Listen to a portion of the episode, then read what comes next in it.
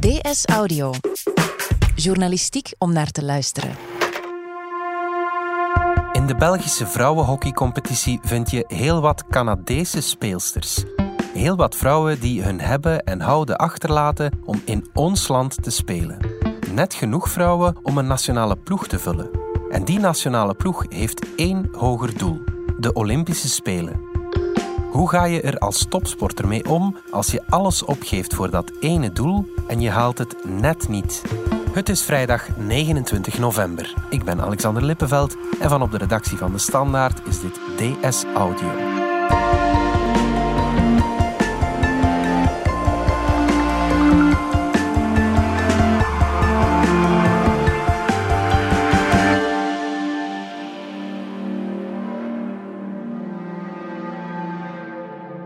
Matthias Verbergt, politiek redacteur bij De Standaard, maar vandaag sportjournalist. Uh, jij bent vorige week gaan praten met Kate Wright. Nice to meet you. Thank you very much. Wie is zij? Kate Wright is de kapitein van de Canadese vrouwenhockeyploeg. Well, first of all, thank you so much for taking time. And, uh. Thank you.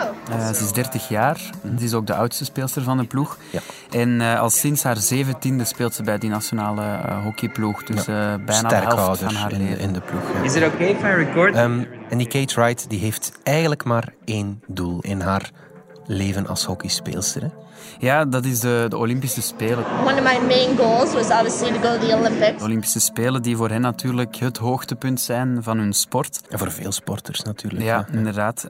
Drie keer heeft ze geprobeerd om zich te kwalificeren met eh, Canada. Drie keer is dat ook niet gelukt. Oké. Ehm, En ze heeft er echt eh, alles voor over. En nooit waren ze er eigenlijk dichterbij dan eh, zondag, drietal weken geleden op 3 november.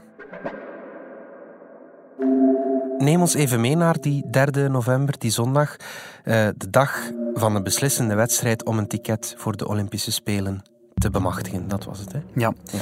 Canada had zich gekwalificeerd door allerlei pre-kwalificatietoernooien en moest het opnemen tegen Ierland. Ierland, vice-wereldkampioen, echt een topland in het Ja. hockey eh, geworden. Canada begint dit jaar nog 21ste van de wereld, dus eh, de echte underdog van de wedstrijd. Ja. Het zijn twee wedstrijden, één op zaterdag, één op zondag. Zaterdag was het 0-0 gebleven. Eh, en op zondag precies hetzelfde. Ja. En in het hockey betekent dat shootouts. Full time here in Dublin. Ireland nil, Canada nil. We're going to a shootout. En shootouts, dat zijn... wa- Wat is dat juist? Shootouts eh, kan je vergelijken met penalties in het voetbal. Ja. Ehm, vijf speelsters mogen de bal van eh, op een 25-tal meter eh, nemen en dan op de doelvrouw afgaan om te proberen te scoren. Ja, ja, ja, zoals penalties in het voetbal. Als dat gebeurt op het einde van een match, dan is het nagelbijten en een soort loterij eigenlijk. Hè? Het is echt een loterij. Het is ehm, ook een heel mentaal spel. Ehm, een ploegsport, eh, zo zei Kate Wright, het wordt plots een individuele sport op dat moment. It's kind of takes away from the team game. Then the shootout becomes five players and one goalkeeper, and it kind of takes away from all that progress. game. Yeah. Dat eh, maakt het mentaal natuurlijk heel zwaar. Ja. En van de vijf speelsters die werden aangeduid voor Canada, spelen er vier voor Leuven, de ploeg van Kate Wright, waaronder Kate zelf. Ja. En dus drie eh, ploeggenoten die, die ik ook aan het werk heb gezien. Hoe ging dat er dan aan toe, die shootouts bij die wedstrijd? De eerste drie speelsters van Canada, alle drie speelsters van eh, Leuven, scoorden. Norlander scores. Oké. Ierland maar eentje, 3-1 stonden ze voor. Goed begin, zou je denken. Goed begin. Eh, dan mist Canada. Op zich geen vrouw overboord. Dan mist Canada nog eens. Eh, scoort Ierland telkens. ja. 3-3 op vijf eh, pogingen. Ja. En dan is het sudden death. Dus wie dan mist terwijl de andere ploeg scoort, Ja. wint. Ierland mag als eerste scoort. Watkins trying to spin the keeper scores. En dan is Canada aan de beurt en is het ook een speelster van Leuven, Woodcroft, Mhm. die ehm, op, de, op het doel afstormt eh, en eh, de bal in twee tijden binnenduwt, maar net buiten de acht seconden die hen wordt gegeven om te scoren. And it is Ireland who are going to the Olympic Games. Dan zit je er zo dichtbij. Je kan het eigenlijk ruiken, die kwalificatie. En dan grijp je er toch naast. Wat gaat er dan door het hoofd van, van die speelsters? Ja, ze hebben het heel moeilijk om dat precies te beschrijven. Ehm, niet enkel om dat onder woorden te brengen, maar ook om daar emotioneel mee om te gaan. Ja. Het was ook de eerste keer dat ze erover op die manier eh, vertelden. Maar ze waren ja, de grond zakte weg onder hun schoenen. Dat is uh, min of meer de beeldspraak die zij gebruiken. Mm. I think it's, it's obviously terrible to lose, but to lose in a shootout just makes it that much more heartbreaking. Um, en dan was het ook nog eens moeilijk om daarna de speelsters die dan verantwoordelijk waren uh, voor de missers, om, om hen dan ook mentaal erbovenop te helpen. Dus dat was nog eens een extra taak voor de kapitein, voor Kate Wright, ja. om dat te doen. Um, so it, I was devastated, pretty, pretty upset. Um, Ze vertelt hoe op dat moment de film van de afgelopen ja, 15 jaar bijna, die ze voor de nationale ploeg heeft gespeeld, zich mhm. voor haar ogen afspeelt. En uh, ja. dan bekruipt daar ook de gedachte dat uh, alles voor niets is geweest. Clearly I'm not over it quite yet. Waarom wilde je dit verhaal zo graag vertellen? Ja, omdat het uh, eigenlijk een verhaal is dat uh, denk ik weinig met hockey zelf te maken heeft. Het is een ja. universeel verhaal over winst en verlies en hoe dicht uh, die twee bij elkaar liggen. het was ook een verhaal dat nog nergens is opgepikt in de Belgische media. In de Canadese media is er ook heel weinig over verschenen.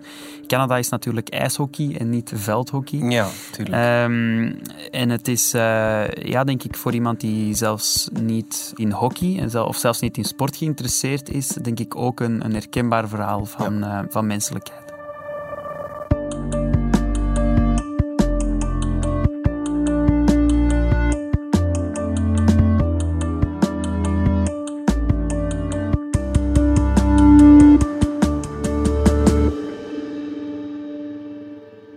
Kate Wright, die kapitein van uh, de Canadese hockeyploeg, heeft in haar carrière al drie keer ervoor gevochten om naar de Olympische Spelen te gaan. Telkens mislukt.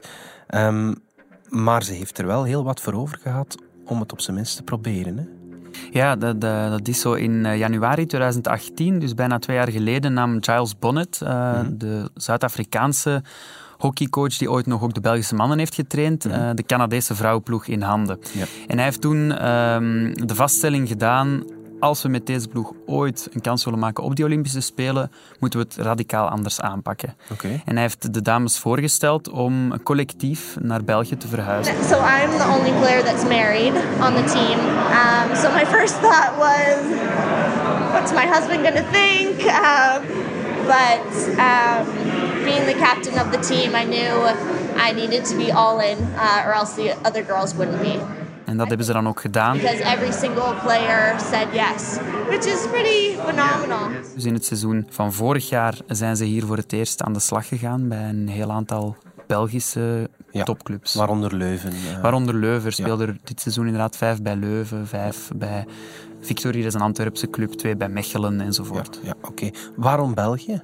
Wel, België is uh, een land dat natuurlijk de laatste jaren een, een, uh, een hele opmars heeft gekend in het hockey. Uh, voornamelijk dankzij de prestaties van de ploegen van, uh, van onze nationale ploegen. Ja. En dan meer in het bijzonder de mannen. Ja, die Europees en wereldkampioen geworden ja, zijn. Ja, ja. En, en het Belgische clubhockey is ook uh, sterk geprofessionaliseerd de afgelopen jaren. Zij hebben een zeer sterke um, coaching, begeleiding, uh, assistenten, fysio's, mentale coaches. dus daar kunnen die Canadese speelsters dan van profiteren om ook hun, hun eigen niveau op te krikken. Mm. Bovendien kunnen ze ook samen spelen hier in België en trainen. dat deden ze ook vijf keer per week in de aanloop naar die kwalificatiewedstrijden. Ja. Ze wonen allemaal ja, maximaal een uur van, van elkaar verwijderd. Ja. Terwijl als je in Quebec en in Vancouver woont, bijvoorbeeld in Canada, ja. dat is een aantal uurtjes rijden. Van en dat was ook effectief het geval. Dus de twee in Canada zijn enerzijds helemaal het, in het westen en anderzijds helemaal in het oosten.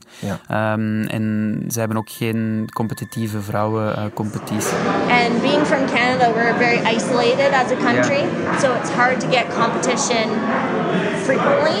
Um, to be exposed to high level competition week in and week out.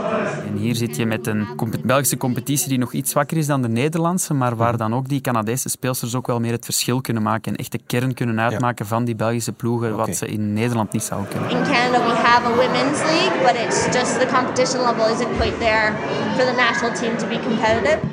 Dus ze kwamen naar hier, begin 2018, om hun Olympische droom waar te maken. Maar na een paar maanden leek het toch nog te mislukken. Hè? Ja, dus inderdaad, in september 2018 uh, waren ze definitief aan de competitie begonnen. En eind 2018 kwam plots het nieuws dat uh, de Canadese Hockeybond uh, hen niet meer verder zou sponsoren. Geen okay. geld meer zou vrijmaken, geen dollar. Our association asked us to stop training while we were here. They fired our coach. Um, dat was natuurlijk een enorme tegenslag uh, voor de dames. Um, ook omdat de Canadese mannen wel nog konden uh, genieten van steun uh, van Canada. Mm. En voor de, de vorige Olympische cyclus naar Rio toe, 2014, hadden de Canadese vrouwen nog anderhalf miljoen euro uh, gekregen. Van anderhalf miljoen naar niets, dat is ja. een grote stap natuurlijk. Maar blijkbaar waren de schuldenputten te groot en ja. hebben ze dan die moeten... Um, vullen met eh, vers geld van 2018, eh, 2019 en, en schot er niks meer over. Hoe hebben ze dat opgevangen? Wel, um, Wright zegt, toen stonden we voor de keuze, hè, ofwel, ofwel gaan we ervoor, ofwel uh, geven we hier op. And I think that was also a point where we could have given up. Um, we had literally come to rock bottom. Maar ze hebben toen beslist om niet op te geven. En een van de dingen die ze hebben gedaan is een crowdfundingsactie organiseren waarmee ze uh, naar Spanje konden. Spanje waar um, het toernooi voor de Olympische barragewedstrijden ja. uh, plaatsvond. Ja. Waar ze in de top 2 moesten eindigen, wat ja. ook gebeurd is. Okay. Daarvoor hebben ze zo'n 80.000 Canadese dollar voor verzameld, of zo'n 60.000 euro. Okay. Waarmee ze dat uh, toernooi konden spelen. En ook hun coach werd ook niet meer betaald, maar is uh, deels op vrijwillige basis en deels ook betaald door een aantal private sponsors toch aangebleven om hen uh, te kunnen kwalificeren. Um, and I'm not sure many other teams would have done that. Dat geeft wel aan hoeveel ze ervoor over hebben. Ja, zeker. Um, hun mentaliteit wordt ook echt geprezen door als je, als je praat met de mensen hier in het Belgische hockey, coaches mm -hmm. of, of, voorzitters en anderen. Uh, zij staan echt versteld van de manier waarop zij uh, met hun uitdagingen omgaan en hoe professioneel zij daar ook in staan. Mm -hmm. het duidt er natuurlijk op zich al op uh, dat ze heel ambitieus zijn als, als 21ste op de wereldranglijsten, waar ze begin dit jaar stonden. Bij de 12 teams willen behoren die zich mm -hmm. plaatsen voor de Olympische Spelen. Is op zich al, al een heel kleine kans en toch hebben ze dat geprobeerd.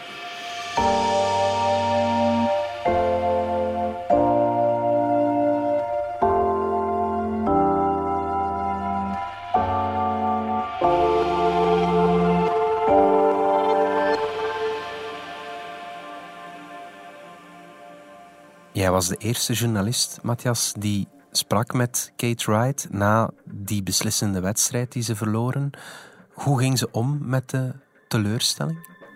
Het was heel moeilijk. Je zag het ook dat ze het er heel moeilijk mee had om erover te spreken. Een aantal keren is ze ook uh, heel emotioneel geworden tijdens het uh, interview. And it was pretty hard to pick up a field hockey stick at that point, but um, it's I'm not gonna lie, it's been pretty pretty difficult uh, to remember that you do love the sport. And... Ze vertelt dat het heel moeilijk is om, om haar hockeystick terug op te pakken. Dat heel veel dingen haar doen terugkeren naar dat ene moment uh, op die zondagavond in Dublin. Mm. En dat het ook nog hele lange tijd zo zal zijn. Um, en ook voor haar teamgenoten is dat zo. Dus um, ja. wanneer ik haar vroeg wanneer ze um, terug wat vaste grond onder haar voeten voelde mm -hmm. na de wedstrijd, moest ze eigenlijk toegeven dat ze dat nog steeds niet gevonden had. It'll be good to kind of have a break and go home and be with family and just just sit. Waarom wil ze eigenlijk zo graag naar die Olympische Spelen? Is dat zo belangrijk voor een topsporter? Ja, ik heb mij die vraag ook gesteld en ik heb die aan, aan haar ook voorgelegd. Mm -hmm. um, het is uh, voor een sporter um, is natuurlijk de hoogmis uh, van, van de sport. En uh, Kees zelf vertelde dat um, ze ook een gesprek had gehad met uh, een mentale coach. En aan haar had ze gezegd, ja, als ik mij hier niet voor kwalificeer, dan, dan is mijn hele carrière, alle opoffering voor niets geweest. I said it, if I don't qualify for Olympics, my, my whole career is a failure. She said, she kind of gave me a, a double look and said, well, why? And I kind of looked at her and said, Well, I don't know. It's just the Olympics. Like, it's this big thing that you need to be at. And en ze moet zichzelf nu echt actief van het idee overtuigen dat dat niet zo is. Dat er wel nog iets is naast de Olympische Spelen, dat ook de weg er naartoe belangrijk is. En ik heb het gevoel dat ze zichzelf daar eigenlijk nog niet helemaal van heeft overtuigd. En ik vraag me af of het ooit ook wel zo zal zijn. Ja, oké. Is het dan voor haar niet meer mogelijk om naar de Olympische Spelen te gaan? Ze is nu 30. Over vier jaar is ze 34. Kan dat Ja. niet meer? Ehm, toen ik haar dat vroeg, zei ze: ehm, Het is eh, daunting. Another four years? Committing another four. whew, Or is that That's a little daunting. Um, so I'm, I'm the oldest player on the team. And Wat ontmoedigend om, Ja. eraan te, om, om te moeten beseffen dat het nog vier jaar is voor mijn volgende kans komt. Ja, Ehm, maar in theorie kan het perfect. Hè. Er zijn ook hier die, die zeker ouder zijn dan 30. Ehm, natuurlijk, in haar specifieke geval is het zo, heeft ze mij verteld, dat ze ook graag een gezin zou stichten. Ja. Ehm, wat natuurlijk niet hoeft te beletten dat ze blijft eh, aan topsport doen, maar ehm er zal toch een bepaalde periode dan eh, sowieso buiten strijd zijn. Dus eh, ja. denk ik eerlijk gezegd dat ze de droom een beetje heeft opgeborgen. Mhm. Gaat Kate zelf kijken naar de Olympische Spelen in Tokio volgend jaar? Of ligt dat nog te pijnlijk? Ze denkt van niet. Ehm, ze, ze, ze denkt dat ze zich zal terugtrekken op haar eh, landhuisje in Canada. uh, I might be at my cottage, so we'll have no Wi-Fi, no service, uh, and just be uh, with family. Met familie en, en zonder draadloos internet of, of, eh, of bereik met haar eh, smartphone. Ehm, ik denk dat het te pijnlijk is voor haar. Ja, oké, goed. Matthias Verbergt, dankjewel. Dit was DS Audio. Wil je reageren? Dat kan via dsaudio.standaard.be. In deze aflevering hoorde je Matthias Verbergt, Kate Wright en mezelf, Alexander Lippenveld. Ik deed ook de redactie samen met Fien Dille. De eindredacteur is Anna Korterink. Pieter Schrevers deed de audioproductie. Brecht Plasgaard schreef de muziek die je hoorde in deze podcast. Chef audio is Wouter van Driessen. Vond je deze podcast interessant? Weet dan dat je er elke werkdag in kunt beluisteren. Dat kan via de DS Nieuws app of via standaard.be schuine streep audio. Je kunt je ook abonneren via iTunes, Spotify of de podcast app van je keuze. En als je daar dan toch bent, schrijf gerust een review. Zo toon je ook anderen de weg. Maandag zijn we opnieuw.